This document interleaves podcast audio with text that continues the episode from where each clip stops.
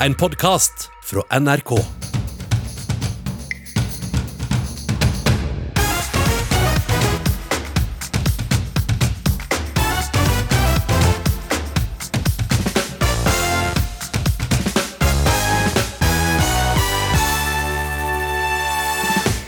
Det er litt rart å vende seg av med å omtale seg selv i tredje person, sier Werner Jensen.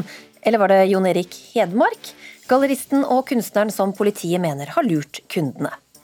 Bloggeren Kristin Gjelsvik grua seg lenge for å sjekke postkassa si. Nå er det deilig å gå dit, og nå er det bare sånn reklame og tull. Så når vi får på sånne der stopp reklame på postkassen, så er det faktisk nesten ingenting som møter meg der. Og det er jo bare en fryd. Hvorfor skal du få høre senere. Nok er nok, sier Eileen Kim, som er en av mange unge som nå tar et oppgjør med asiatisk rasisme i Norge. Etter å ha blitt mobbet for alt fra håret og smale øyne til navn og mat, endret hun navnet for å få fred. Og kjøttdeigen i fredagstacoen bør bli dobbelt så dyr, mener MDG-politiker. Nei, la nå kjøttet være, det er lørdagsgodtet som bør økes i pris, svarer blogger Trine Grung. Velkommen til eh, ukeslutt, hvor vi straks skal til Arbeiderpartiets landsmøte, som akkurat har sagt nei til abortnemnd. Jeg heter Linn Beate Gabrielsen. Vi vil fjerne nemndene. Vi skal utrede hvordan dette skal se. Men kvinnen skal ha siste ord. Dette sa Anniken Huitfeldt på Arbeiderpartiets eh, landsmøte nå. I, I, tre dager har vi sett dem tale foran en rødstrikka bakgrunn på det digitale landsmøtet, og for kort tid siden så ble det klart at de går inn for å avvikle abortnemndene. Og kommentator Magnus eh, Takvam, hva, hva betyr dette vedtaket? De aller fleste oppfatter dette slik at det nå blir eh, i praksis selvbestemt abort eh, fram til 18. uke. I dag er det jo til 12. uke med, som vi hører her, abortnemnder som, eh, der kvinnen må møte og, og legge fram sin situasjon. Det nye i Det var jo opprinnelig en dissens, en uenighet i Arbeiderpartiet før voteringen. Man eh, gikk noen runder internt i redaksjonskomiteen og ble enige om en felles eh, innstilling som da ble vedtatt. Og det man jo endret på, var nettopp å si aktivt at abortnemndene skal fjernes, mens det alternativet som man snakker om til abortnemndene, altså en form for eh, medisinsk veiledning for kvinnene mellom 12. og 18. uke, skal utredes. Og eh, Dermed så tolker man det som ok, da er det i, i praksis en, en, type selvbestemt eh, abort for, for kvinnene, en utvidelse av den retten. og det blir eh, definert som en seier for AUF og kvinnebevegelsen, i hvert fall. Men denne utredningen er jo ikke gjort ennå, så um, jeg tror den, den, var med for å i det hele tatt skaffe et enstemmig flertall eh, på, på landsmøtet. Mm. Et første, et første, steg. En annen sak som uh, splitter partiet, er jo rusreformen, som jo ble nedstemt på landsmøtet i går. og Skuffelsen var stor både innad i partiet og for regjeringa, ikke minst. Og også for deg, Eva Britte Langva, du er lokalpolitiker for MDG. Og din personlige historie rundt dette har jo satt sitt preg på debatten og sirkulert på sosiale medier.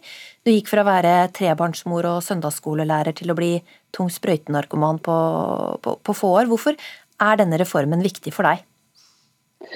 Jo, altså Denne reformen er viktig for meg, for den er jo personlig. Og ikke bare for den som er var, men også for den som er i dag.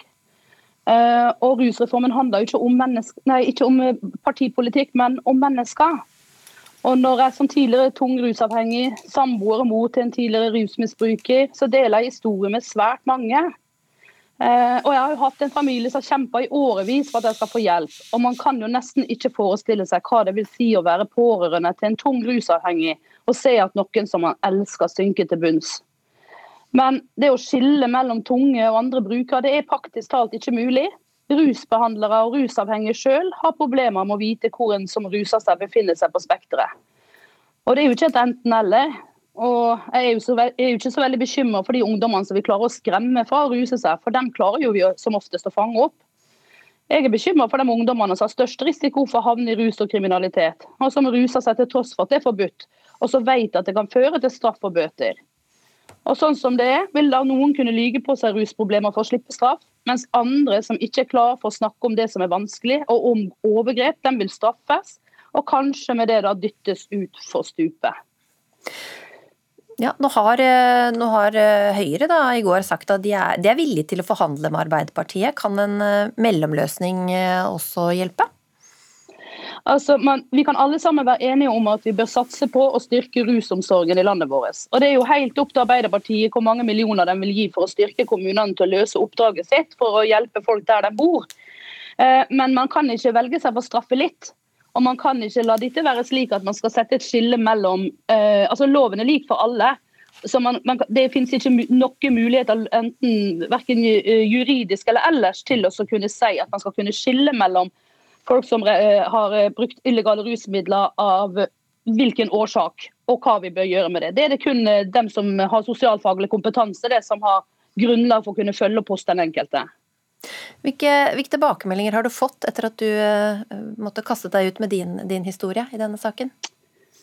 Jeg har fått veldig mye tilbakemeldinger på at det har gitt uh, folk en forståelse om hva rusreformen faktisk handler om.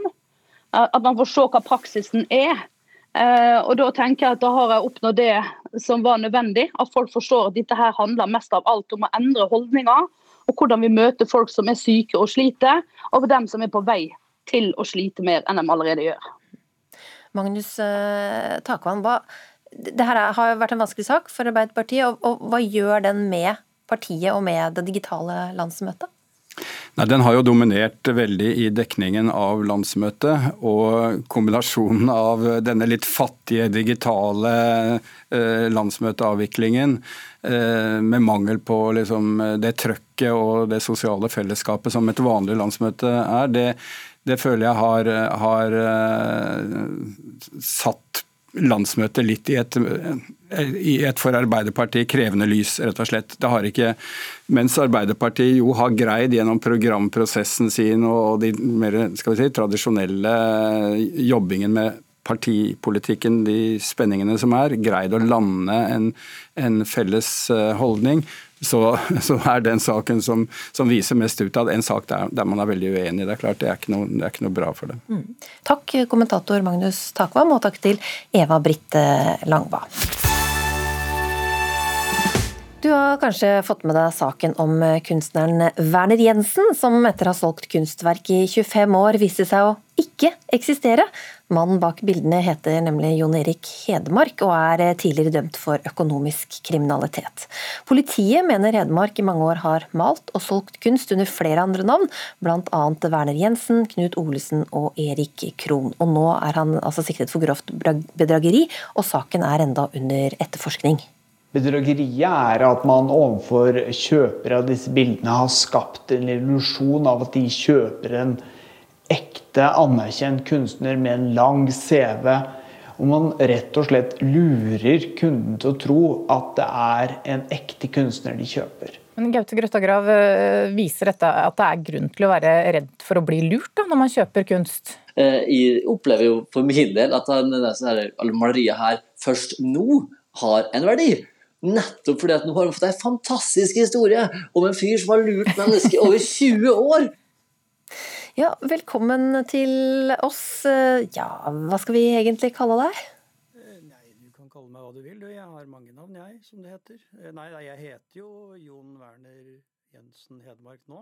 Eh, for det er jo det navnet Jeg måtte jo ta inn kunstnernavnet inn i navnet mitt for å tilfredsstille politiets ønske om at en kunstner tross alt måtte være omtrent folkeregistrert for å kunne male bilder. Eh, og da ble det slik. Mm. Og hvilken tittel eh, har du? Eh, tittel tenker du på Kunstner, navn? Kunstner, forretningsmann eh, Nei, altså Hvis du hadde spurt meg forrige uke, så hadde det jo vært eh, gallerist. Eh, hvis du spør meg nå, så kommer det litt an på hvem jeg snakker med. Eh, jeg er jo fortsatt gallerist, og jeg er jo fortsatt, eller nå igjen, da utadvendt Eller utadvendt, ja det er jo på en måte også, men også ut, eller kjent mer som da Werner Jensen, sånn sett. Så det er jo litt rart.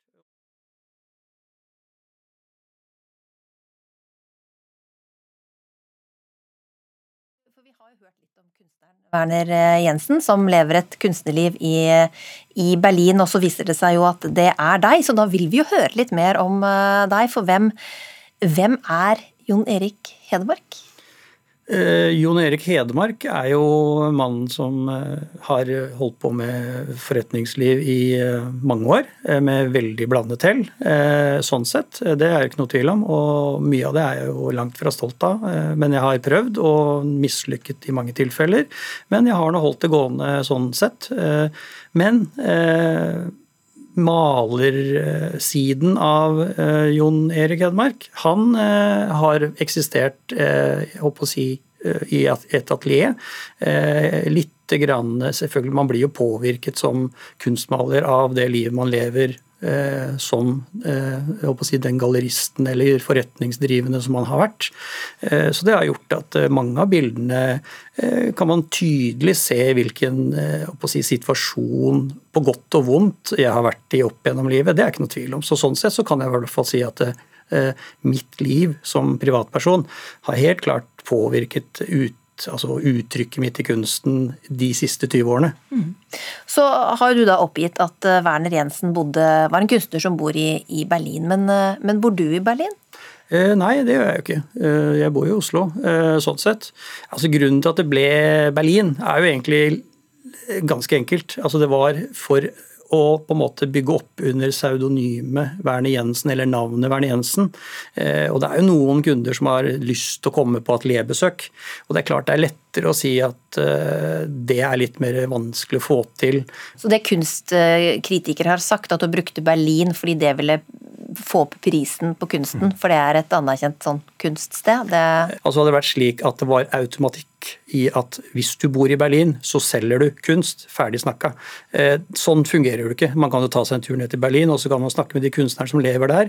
Mange selger sikkert ingenting, mange har sikkert eh, vært der i mange år. Noen selger bra, men det er ikke noe sånn at bostedsadresse har noe betydning på hvordan kunsten din på en måte selger. Eh, Fortell oss litt om hvordan eh, det hele begynte. Hvordan, hvordan starta du å, å male?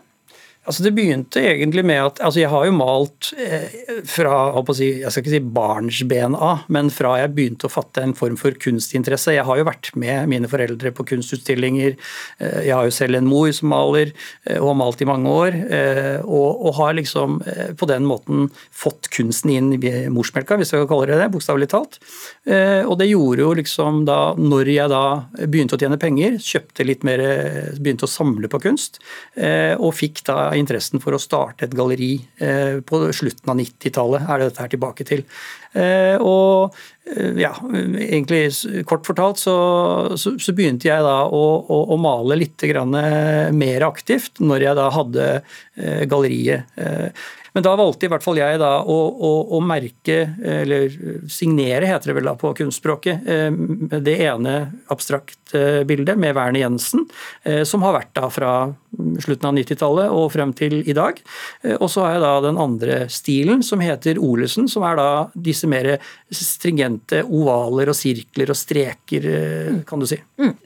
Hvorfor brukte du ikke ditt eget navn da du skulle selge bildene? Nei, det var primært øh, fordi, akkurat øh, som jeg forklarte, at jeg hadde to da stiler øh, som jeg jobbet frem.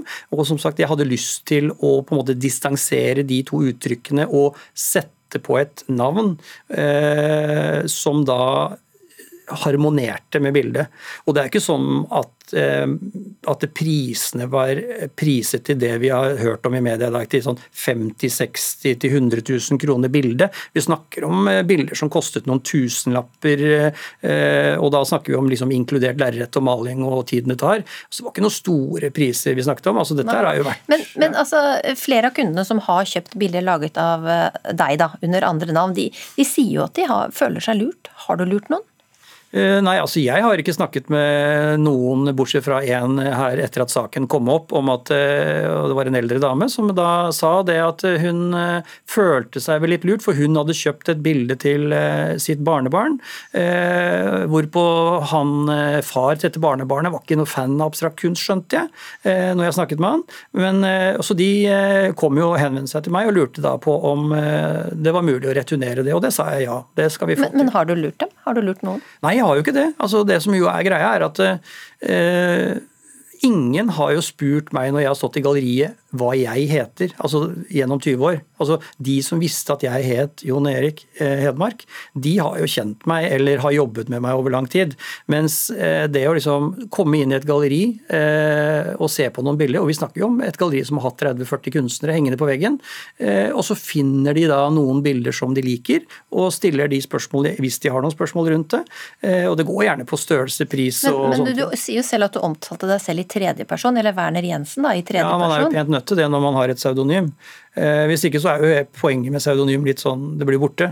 Altså Nå, det jo, nå, det jo, nå blir det jo etterforsket, og, og, politiet mener at du har skaffet eh, deg selv eller andre da, en uberettiget eh, vinning, som de sier, altså penger, ved å lure eller forlede andre til å tro at de kjøpte kunstverk fra en anerkjent kunstner som ikke finnes. Det er altså politiets uh, formuleringer. hvor mye har du tjent på disse bildene? Eh, nei, altså Det har jeg ikke noe tall på sånn i utgangspunktet. Eh, det, det får jeg på å si tiden vise. Eh, men jeg har jo, det som jo har vært, er at jeg har malt bilder. Men snakker vi liksom, Du sa de koster noen tusenlapper, men snakker vi her noen hundre tusen? Snakker vi noen millioner? Snakker vi Nei, altså, titalls millioner? ja, titalls millioner er det Nei da, det er, det er, ikke på det nivået i det hele tatt. Og jeg, som sagt, det som jo har vært sånn som jeg har solgt bildene mine, er at jeg har solgt bildene gjennom galleriet, og det har stort sett gått inn i driften av galleriet i form av eh, driftskostnader. Så, så, personlig så har jeg ikke tatt ut eh, nevneverdig av, eh, av, den salgssummen, for å si det sånn. Eh, noe har jo blitt, eh, for jeg har jo hatt bilder hengende på veggen jeg også, som alle andre mennesker. Og, jeg, ja, nei, og det har vært mine egne bilder ofte, fordi jeg har jo vært fornøyd med det jeg har malt. Og det har jo kundene som har kjøpt de også vært. Men, men har du tjent disse pengene på uærlig vis? Eh, nei, jeg har jo ikke det. Altså, det har jo gått inn i, eh, i, en salgsprosess, og det har jo gått inn i selskapene. Og det har vært med på å dekke annen uh, kunst, som, eller de, de, galleridriften som er drevet. Da. Men også selvfølgelig mine personlige driftskostnader. Det er ikke noe tvil om. Vi har jo tjent penger på dette her. Det er, trenger ikke å legge det under en stol. Nei. Eh, politiet har jo da altså beslaglagt bilder av eh, fire kunstnere som de mener at du står bak, og tre av de har vi jo nevnt, altså Werner Jensen, Erik Krohn og Knut Olesen, og det har du innrømmet at er deg. Mm. Men så er det den fjerde kunstneren, da, Jorunn eh, Johansen. Ja. Hvem er det? Det er hun som jeg nevnte innledningsvis her. Det er jo da min mor som Det er hennes pikenavn, så det er ikke noe pseudonym. Det er hennes pikenavn som hun har malt med fra dag én, og har fortsatt med siden. Så hun er en ekte person. Det kan du si. Mm. Det er egentlig jeg òg, altså. Mm. Tro det eller ei. Ja. Med men med litt uh, forskjellige navn. Ja. Um, ja. Vi må jo til slutt understreke at dette er jo en sak da, som er under pågående politietterforskning. Men uh, tusen takk for at uh, du ville komme i studio. Bare hyggelig. Bernt Jensen. Etter at eh, USA nå er i ferd med å ta et oppgjør med rasismen mot asiater, så er det stadig flere unge stemmer her hjemme også som sier at nok er nok også her. Nok Xing Chong Kinamannsbøker og annen reinspikka rasisme. Eileen Kim, du er en av dem som har eh, skrevet et debattinnlegg i VG om det å oppleve rasisme. Velkommen til ukeslutt. Tusen takk. Du og familien din kom eh, flyttende til Norge fra Korea da du var eh, elleve år, og nesten fra dag én så har du opplevd rasisme her. Hva er det folk har sagt og gjort mot deg? Kommentarer. Alt fra du har smale øyne, håret ditt er svart og stygt, ching-chong, uh, snakker du ching-chong-språk, spiser du hunder, katter? Og nå i det siste så har jo korona vært en stor hendelse, og da var det også Spiser du flaggermus hjemme? Sånne kommentarer, egentlig. Men sånn gjennom oppveksten, sånn, var det noen voksne rundt deg? Er det noen som liksom grep noe fatt i det her? Uh, ja, eh, jeg har prøvd å snakke litt med lærerne på ungdomsskolen da mobbingen faktisk skjedde, og da, det, da fikk jeg bare svar som Å, men han liker deg, det er derfor han tuller med deg. Han vil at du skal eh, bli opprørt, eller Hun er bare sjalu på deg, det her er bare tull, her, du må tåle litt joke. Og det var alltid Jeg ble alltid stemplet som en eh, som ikke tåler en joke, selv om jeg ble utrolig lei meg for mobbingen som skjedde. Ja, for Hvordan mm. påvirka det deg? Det gjorde at uh, hele barndommen min i Norge uh, jeg, jeg, ble veldig usikker på meg selv. Jeg uh, har hele livet trodd at det var min feil, at jeg ble født sånn, og det er derfor jeg blir mobbet sånn. Men det er jo ikke feil. Det, det er jo feil. og jeg har slitt veldig mye med selvtillit og selvbilde. og det sliter jeg nå i dag også. Og det gikk så langt at du i 10. klasse valgte å å endre navnet ditt. Mm. Ja, hvorfor gjorde du det? Det var fordi eh, mobbingen rundt det ble altfor intenst. Eh, jeg hadde et eh, veldig fint koreansk navn som heter Kahi, som, et, som betyr et eh, vakkert håp. Eh, men det ble jo ikke et navn jeg hadde lyst til å fortsette å ha, fordi det, jeg, jeg, altså, traumene på, den, eh, på det navnet ble så stort, fordi alle begynte å slenge masse dritt om den og begynte å tulle med navnet mitt, og det var ikke gøy, rett og slett. Og det ville jeg ikke fortsette med å ha på videregående når jeg skulle starte på en helt ny skole, da. Rasisme blant asiater er jo ikke noe nytt, men hvorfor har du valgt å engasjere deg nå? Det er fordi eh, jeg ble veldig rørt av den eh, massemassakren som skjedde i Atlanta i USA. Mm, så ble jeg veldig rørt av hendelsen, og da tenkte jeg nok er nok. Vi trenger å snakke om dette her i Norge også, for jeg følte meg så sykt ensom og trodde at dette var min feil hele barndommen. Men hvis det er en Hvis jeg hadde lest om denne saken i, når jeg var ung, så hadde jeg kanskje følt meg litt mindre ensom, kanskje tenkt at ja, kanskje det her er dårlig. Det er ikke jeg som er feilen, men det er noen andre som mobber meg, som er feilen. Så det er det som har eh, gjort meg til å skrive hele innlegget og sånt, da. Mm. Dang Trind, du er eh, journalist her i NRK og har vært med på å lage en podkastepisode for Oppdatert om nettopp denne tematikken. Og Eileen er jo bare en av mange som har engasjert seg nå og brukt eh, stemmen sin. Hvorfor, hvorfor ser man dette engasjementet blant asiater nå? Altså Først og fremst vil jeg bare si at jeg har lest innlegget ditt, Eileen, og jeg syns det er så utrolig fint og modig gjort å skrive det. For det er ikke en kul greie å sette seg ned og skrive en kronikk om rasisme der man på en måte framstår som et offer sant, og forteller om, om vonde ting. Og det er veldig kult at du, du, har gjort det, og jeg tror at mange med asiatisk bakgrunn har kjent seg igjen. Eh, og noe av det du skriver om, kjenner jo jeg meg også igjen i. Sant? At man blir gjort narr av når det gjelder navn navn, språk og mat og sånne ting. Så uh, veldig bra at du skrev det. Takk. Uh, tilbake til spørsmålet ditt. Ja, altså, uh, hvorfor, hvorfor, kommer dette engasjementet nå, tror du? Hvorfor? Det er jo som Eileen er inne på, altså den forferdelige masseskytingen i Atlanta der eh, seks asiatiske kvinner ble eh, myrdet, eh, rett og slett. Og så har vi bakteppet med korona i USA, der det, de har registrert en massiv økning av hatkriminalitet, hets mot amerikanere med asiatisk bakgrunn. Så derfor tror jeg at altså, når når man ser på disse bildene da, eh, på sosiale medier, der det er noen som ja, kunne vært din far, kunne vært din mor, bli eh, altså, myrdet eller eh, trakassert, spyttet på. altså Det er helt hjerteskjærende. Og da tror jeg at det gjør noe altså Selv om det er i USA, da, så begynner man å tenke å oh shit, kan dette skje i Norge?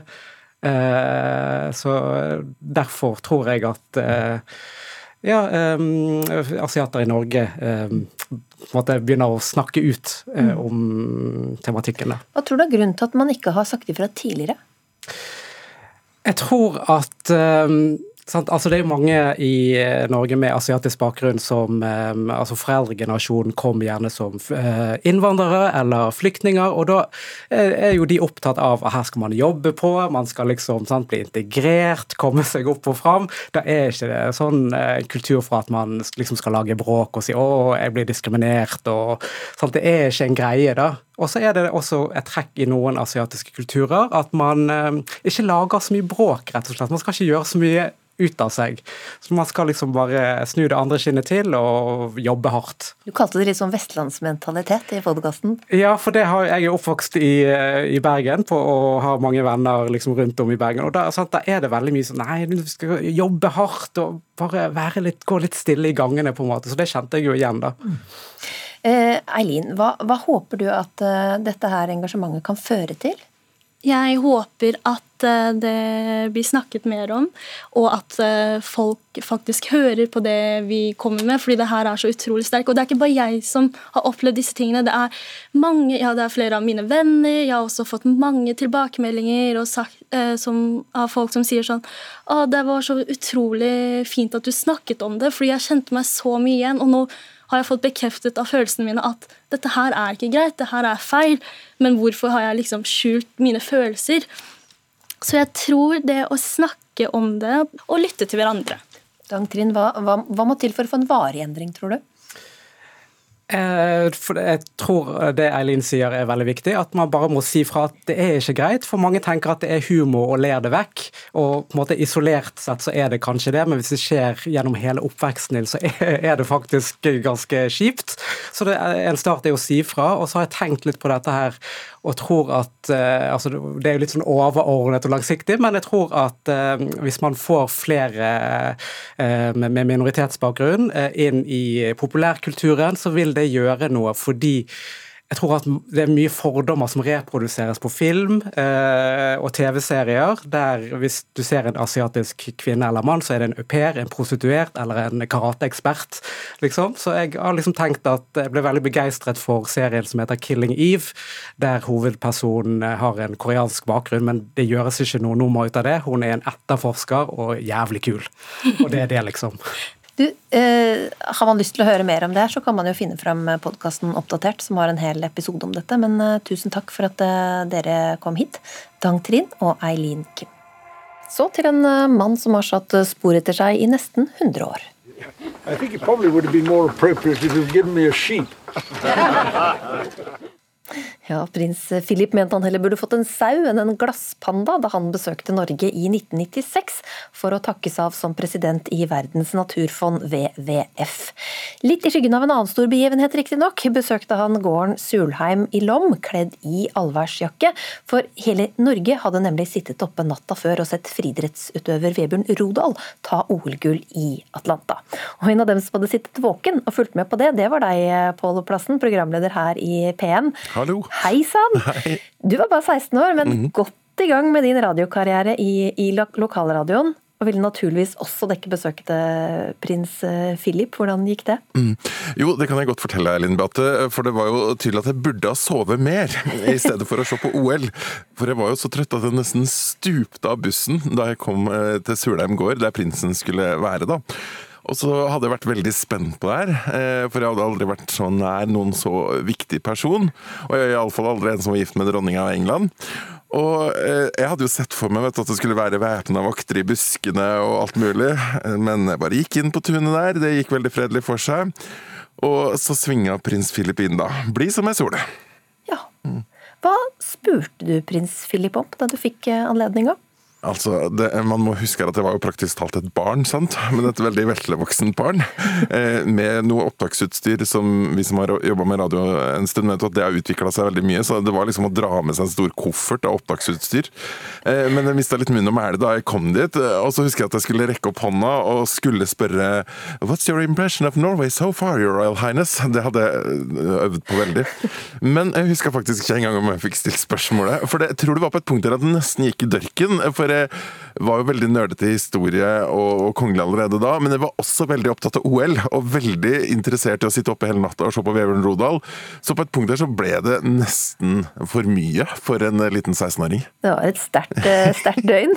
ja, det var det. Men hvilket inntrykk fikk du av prins Philip, da? Du, eh, Som en fyr som tok rommet, eh, altså, eller gårdstunet, da, eh, noe enormt. Eh, veldig blid, veldig lett på foten. Virka eh, som han var veldig glad for å være der.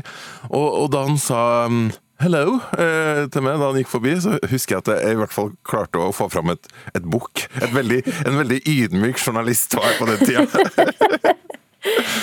Kristian eh, Sulheim, vi har med deg også. Det hele fant sted på slektsgården Uppigard eh, Sulheim, der du har eh, altså, vokst opp. Og hvordan opplevde du å ha prins Philip på besøk? Ja, det, var, det var litt spesielt, for da at den var så folkelig og oppmerksom og, og, positiv. Så det ble, uh, ga et uh, utrolig bra inntrykk. Og det sto selvfølgelig festmiddag på, på, programmet, men så var det noe med at han skulle gjengjelde en skål, så ble det litt dramatisk? Ja, eh, det etikett er slik at, eh, at en representant fra regjeringen skal da skåle for dronningen. Og det gjorde da eh, fylkesmann Knut Korsett på vegne av regjeringen. Og så skulle prins Philip replisere. Så reiste han seg opp og skulle utbringe en skål, og midt, midt i bevegelsen så skal han borti lysekrona. Uh, og da bikka parafinglasset og holdt på å falle ned, men i en bevegelse tok han og satte det på plass og fortsatte skåen midt i ei setning. Og ja, Det imponerte meg, men jeg hørte at det sprokka i fingrene på ham fordi at uh, lampa var varm. Og så Da han satte seg igjen, så sa jeg dæven at uh, dette måtte gjøre svært vondt. Og så sa han nei da. Såpass man tåler jeg er gammel soldat. Uh, det, er nok det, det, det, er faktisk verre at dronningen syns at jeg begynner å bli, bli for gammel. for at jeg er gammel flyver, og så fikk jeg klar beskjed om at jeg ikke skulle flyge, altså styre flyet, da. På tur over Nordsjøen. Og da, men det seg han. Jeg flaug hele veien. Så han torde det også, si mot kona. Du hadde ja. undersøkt eh, også hvilken whisky prinsen eh, foretrakk. Hvordan ble det mottatt? Nei, Jeg var veldig stolt da, for at jeg var på bygden og trefte doktoren i bygden kristen hold, og så sa jeg det at uh, lurte på lurte på hvordan jeg skulle få tak i Macallan-whisky, som uh, Ja. Så sa han nei, men han hadde, hadde faktisk ei fleske han hadde fått, så lurte, sa det at uh, jeg, skulle, jeg skulle få. Og så var det fire stykker som satt inn på privaten der etter middagen. Og Så sa jeg dæven at uh, litt stolt at jeg hører du liker denne whiskyen her, så hvis du kan få begjære det med, med, med, denne smaken der. Og så så hun på oss og sa nei, denne her må du spørre til ei viktigere anledning enn dette her, sa han. Så henvendte han seg til adjutanten sin og så sier han at har ikke jeg ei helt vanlig famous grus oppi kufferten min, så kan du hente den. Og da, det gjorde de og skåla. Så da fikk du ha den til en annen anledning. Men uh, Pål Plassen, mm. selv om du mista, nesten mista munnen med det da, som ung reporter, så fortsatte du å følge med på prins Philip uh, videre. Hva har fascinert deg? Ja, men Han er en veldig fascinerende karakter, selv om han også er omdiskutert. Han er jo veldig direkte og har en veldig sånn røff humor. Men han er ikke fascinerende bare fordi han er gift med dronning Elisabeth. Han og familien de, de måtte flykte fra Hellas da han var liten, redda av sine slektninger i England. Det sies det at eh, den britiske kongen var redd for at de skulle lide samme skjebne som Romanov-familien i Russland. Og etter det så var prinsen på en slags hvileløs reise. Det var kostskoler og slektninger som oppdro han. Faren var i hvert fall ikke far Father of the Year, det kan man si.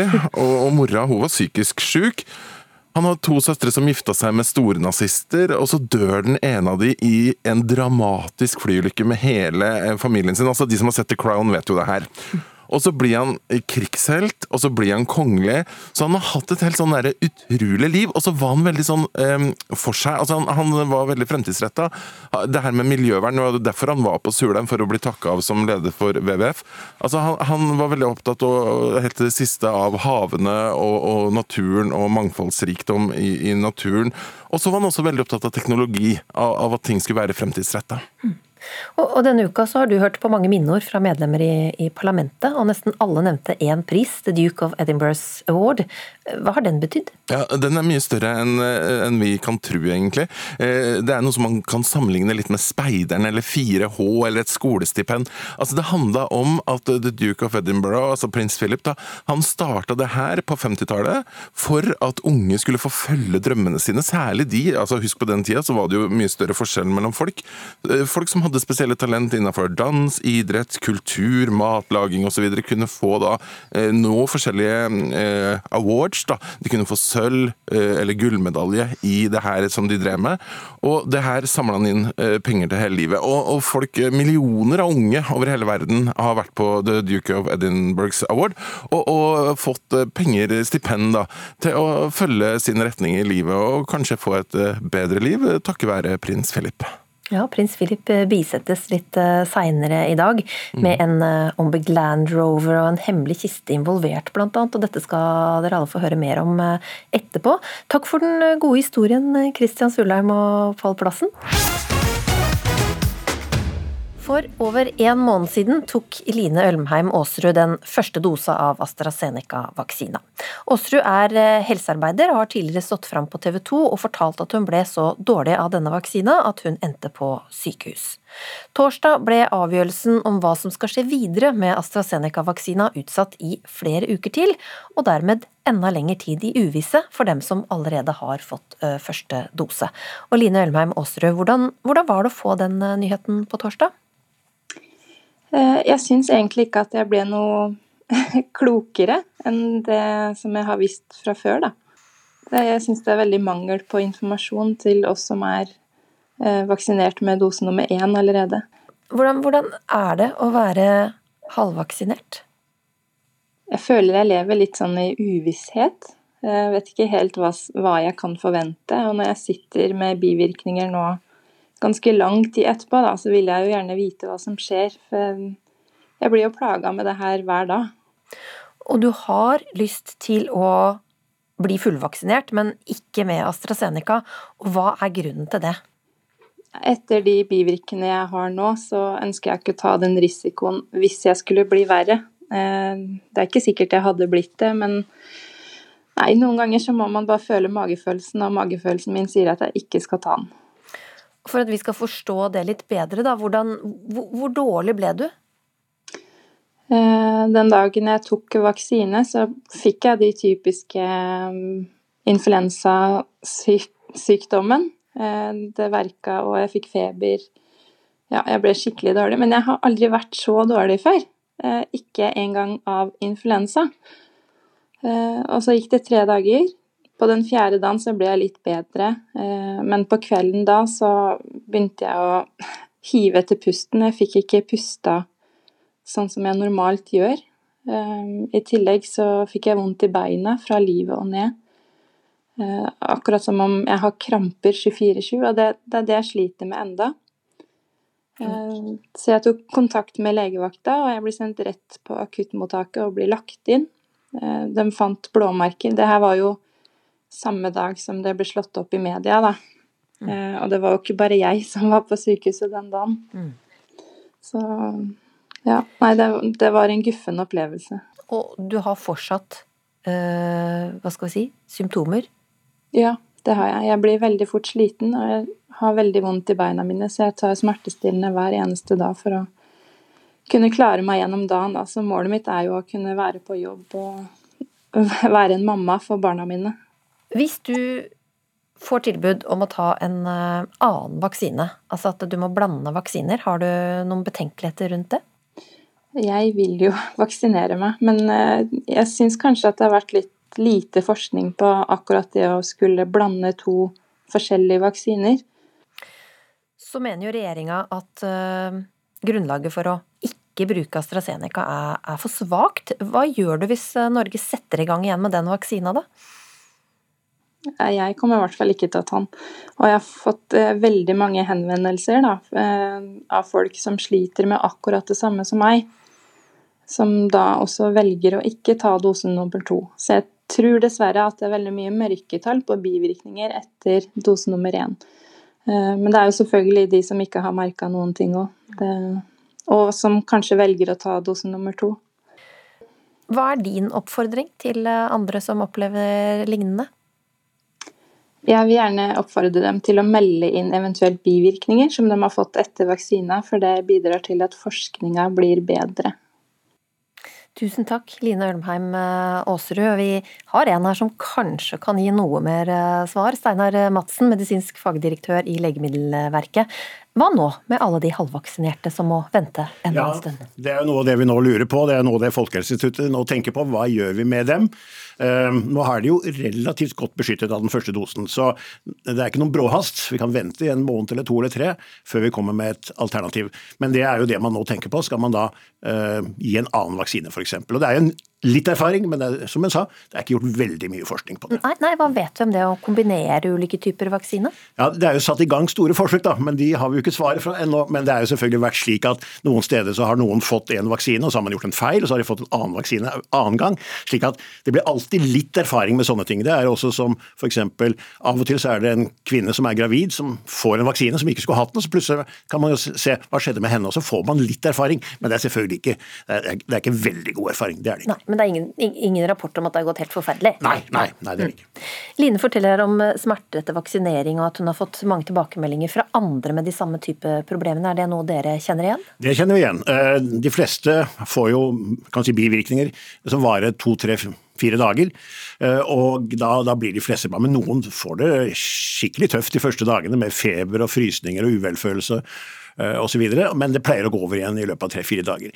Vi har jo fått en del meldinger om mer langvarige plager, men som hun sier, det er veldig viktig at dette blir meldt, slik at vi får bedre oversikt over dette. Ja, men Her snakker vi om å gå på smertestillende, for hele beina gjør vondt. ja, nei, det, er, det, er, veldig, veldig sørgelig og, og, og, og, trist at dette skulle skje.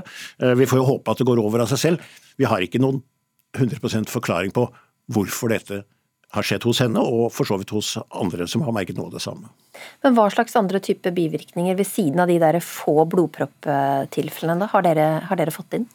Ja, Vi har fått inn mange forskjellige typer eh, bivirkninger, men det meste går på de vanlige, nemlig feber, frysninger, uvelfølelse, kvalme, oppkast, diaré osv. Så, så det, og det pleier jo å gå over som sagt, i løpet av noen få dager. Mm.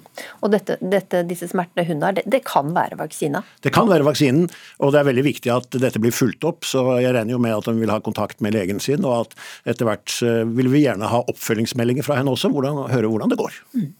Men altså, vi må jo snakke litt om de positive vaksinenyhetene også. fordi nå føles det litt som det ramler inn eh, nyheter om store vaksineleveranser utover sommeren. Hva betyr det for alles uh, sommerferie? Altså En av de gledelige nyhetene er jo nå at Pfizer sier at de kan levere mye mer enn man trodde. Og Pfizer-vaksinene har vi jo nå veldig god erfaring med i, i Norge, så det, det, var, det, var, veldig veldig positivt. Ja, det går, det går, jo veldig opp og ned. Vi er jo helt i, i kjelleren når noe blir utsatt, og så vips, så plutselig kommer det inn ja. noe som vi er oppesen igjen. Ja, altså, Dette har jo noe med produksjonskapasiteten til de store firmaene. fordi det er klart at det å dra i gang en fabrikk som kan lage millioner av vaksinedoser hver eneste dag, det krever kompetanse. Det krever krever enormt god organisasjon, og de blir jo bedre og bedre. Det er det som vi nå ser, at de blir bedre og bedre på produksjon. Men redder dette fellesferien, liksom, i juli? Vi får håpe det. Vi får håpe det. Vi, får håpe det. vi tar med oss alle gode nyheter vi kan, i hvert fall. Takk, Steinar Madsen fra Legemiddelverket.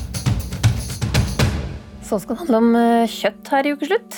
Kanskje har du fortsatt eh, rester fra fredagstacoen i går.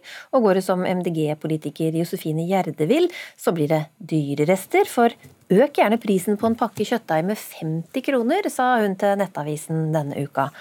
Og velkommen hit, Josefine Gjerde. Du er eh, stortingskandidat for MDG i Hordaland. Mm. Vil du fredagstacoen vår til livs? Nei, men jeg mener jo at eh, hvis vi skal lytte til eh, klimaforskning og ta, ta klimaendringene på alvor, så er vi nødt til å bytte ut kjøttet de fleste nordmenn har i tacoen med plantebaserte alternativer litt oftere.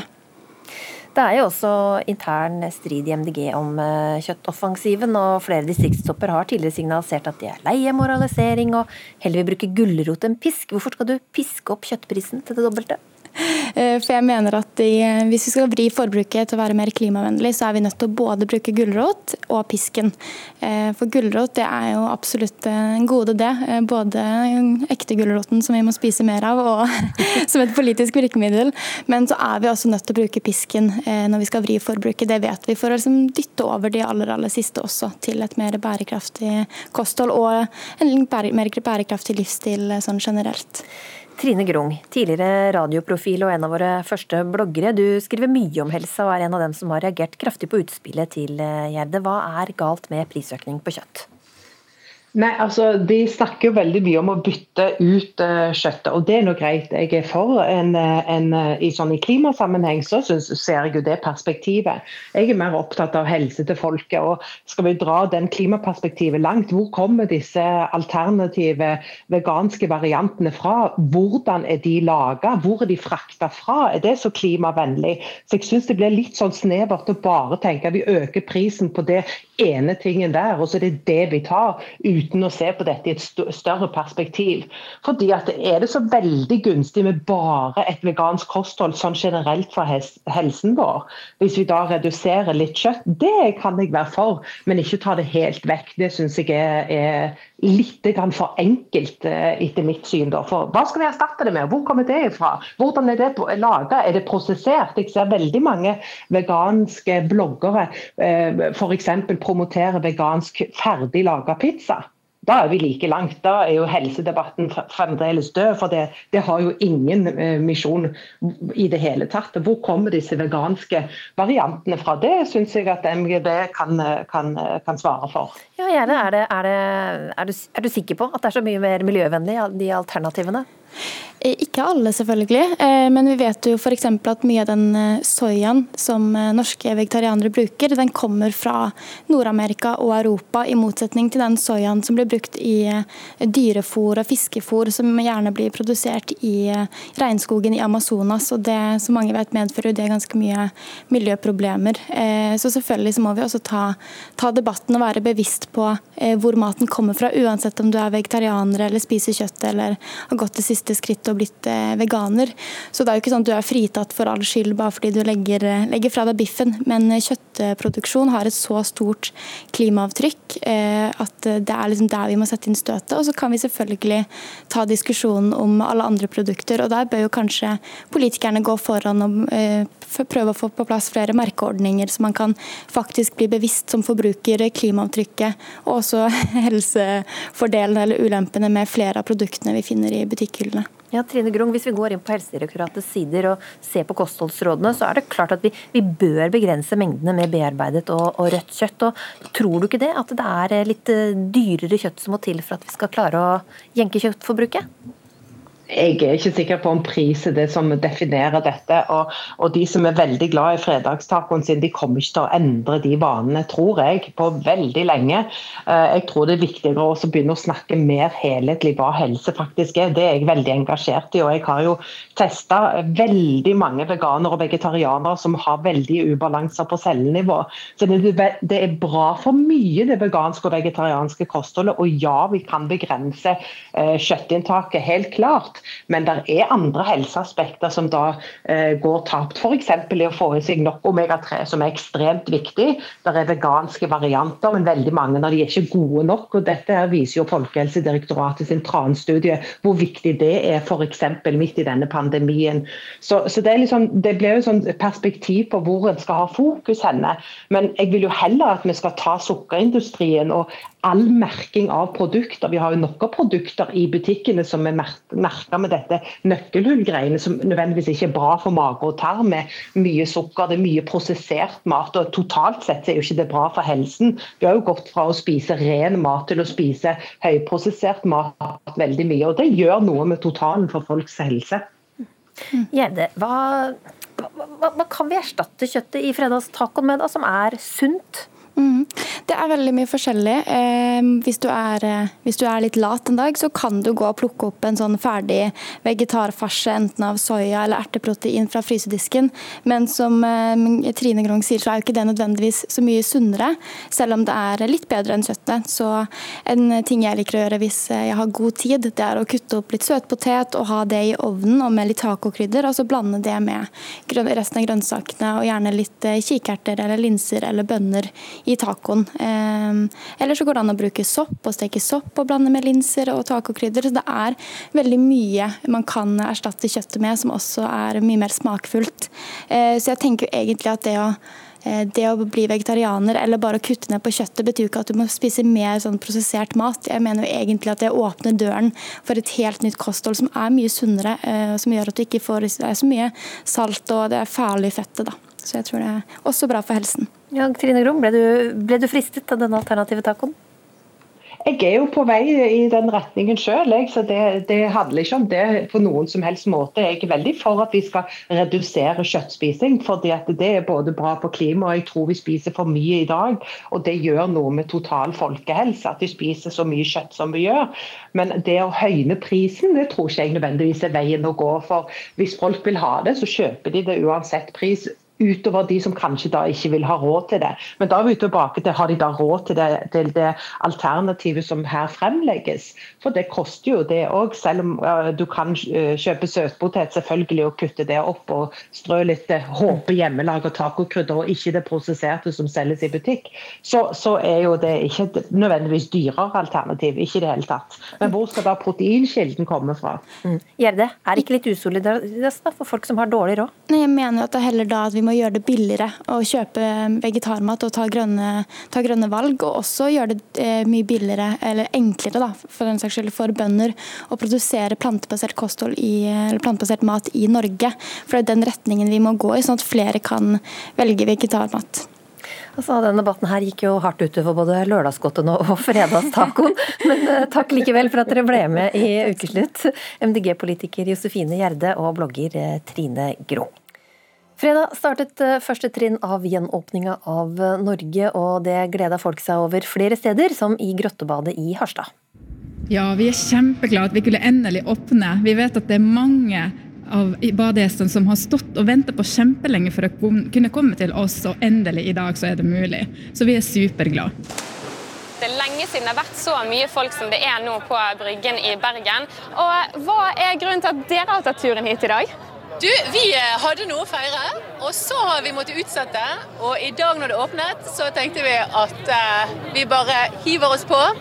Og det passet det veldig godt at sola bare skinner. Det var god stemning på Bryggen i Bergen også, men Oslo er blant stedene som må holde igjen og vente litt til. Og det er faktisk dem som gruer seg til gjenåpninga, sånn som bareier Oda Horgen. Jeg har, eh, jeg har, begynt å gjøre noe som jeg aldri har gjort før, som er å skru av telefonen min og ikke svare telefonen, fordi at jeg aner at det er inkassoselskaper som ringer, og jeg har ikke noe bedre svar til de enn forrige gang jeg snakket med de. Mellom en dagligvarehandel og en kebabsjappe på Grønland i Oslo finner du en av mange fortsatt stengte dører. Den smale trappen opp i andre etasje ble kanskje enda litt brattere etter at byrådslederen i Oslo, Raymond Johansen, kom med alvorlige ord på onsdag. I går annonserte regjeringen mange lettelser i de nasjonale tiltakene. Disse lettelsene gjelder ikke i Oslo. Eh, nei, for meg så kom den vel ikke som noen overraskelse. Det var egentlig det jeg hadde håpet at Raymond skulle si. Fem måneder er nå gått siden Oda Horgen hadde gjester i baren sin Godt håp. Og i mellomtiden har musikerne på konsertscenen blitt til tørre planter. Det ser litt trist ut her, for mye av plantene har blitt uh, eller har dødd. Og noen av de har vi tatt hjem for å redde. Så jeg trodde at jeg skulle drive i denne bransjen lenge. Det har vært en barndomsdrøm for meg, ja. Selv om drømmen nå er avhengig av kommunal støtte og velvilje fra huseiere, er Horgen glad for at Oslo fortsatt er stengt. Min største skrekk hadde vært om vi åpnet, ble åpnet opp og så stengt ned igjen. Og med alle kostnadene det medfører. Og ikke minst jobb. Ehm, sånn at eh, jeg er ganske fornøyd med det, egentlig. Og mens inkassokravene holdes i sjakk med flymodus på telefonen, så har Horgen og andre utelivsgründere blitt hverandres hobbypsykologer. Eh, I denne pandemien så har det jo vært viktig å ha andre å snakke med. Men eh, det svinger mye, og, og, det går fra liksom Ja, det her går bra, vi overlever, og vi bor i velferdsstaten Norge, til eh, liksom Herregud, vi har blå-blå regjering, ingen bryr seg om oss. Liksom Det her kommer jo til å gå rett til helvete. Ja, om jeg får si det sånn.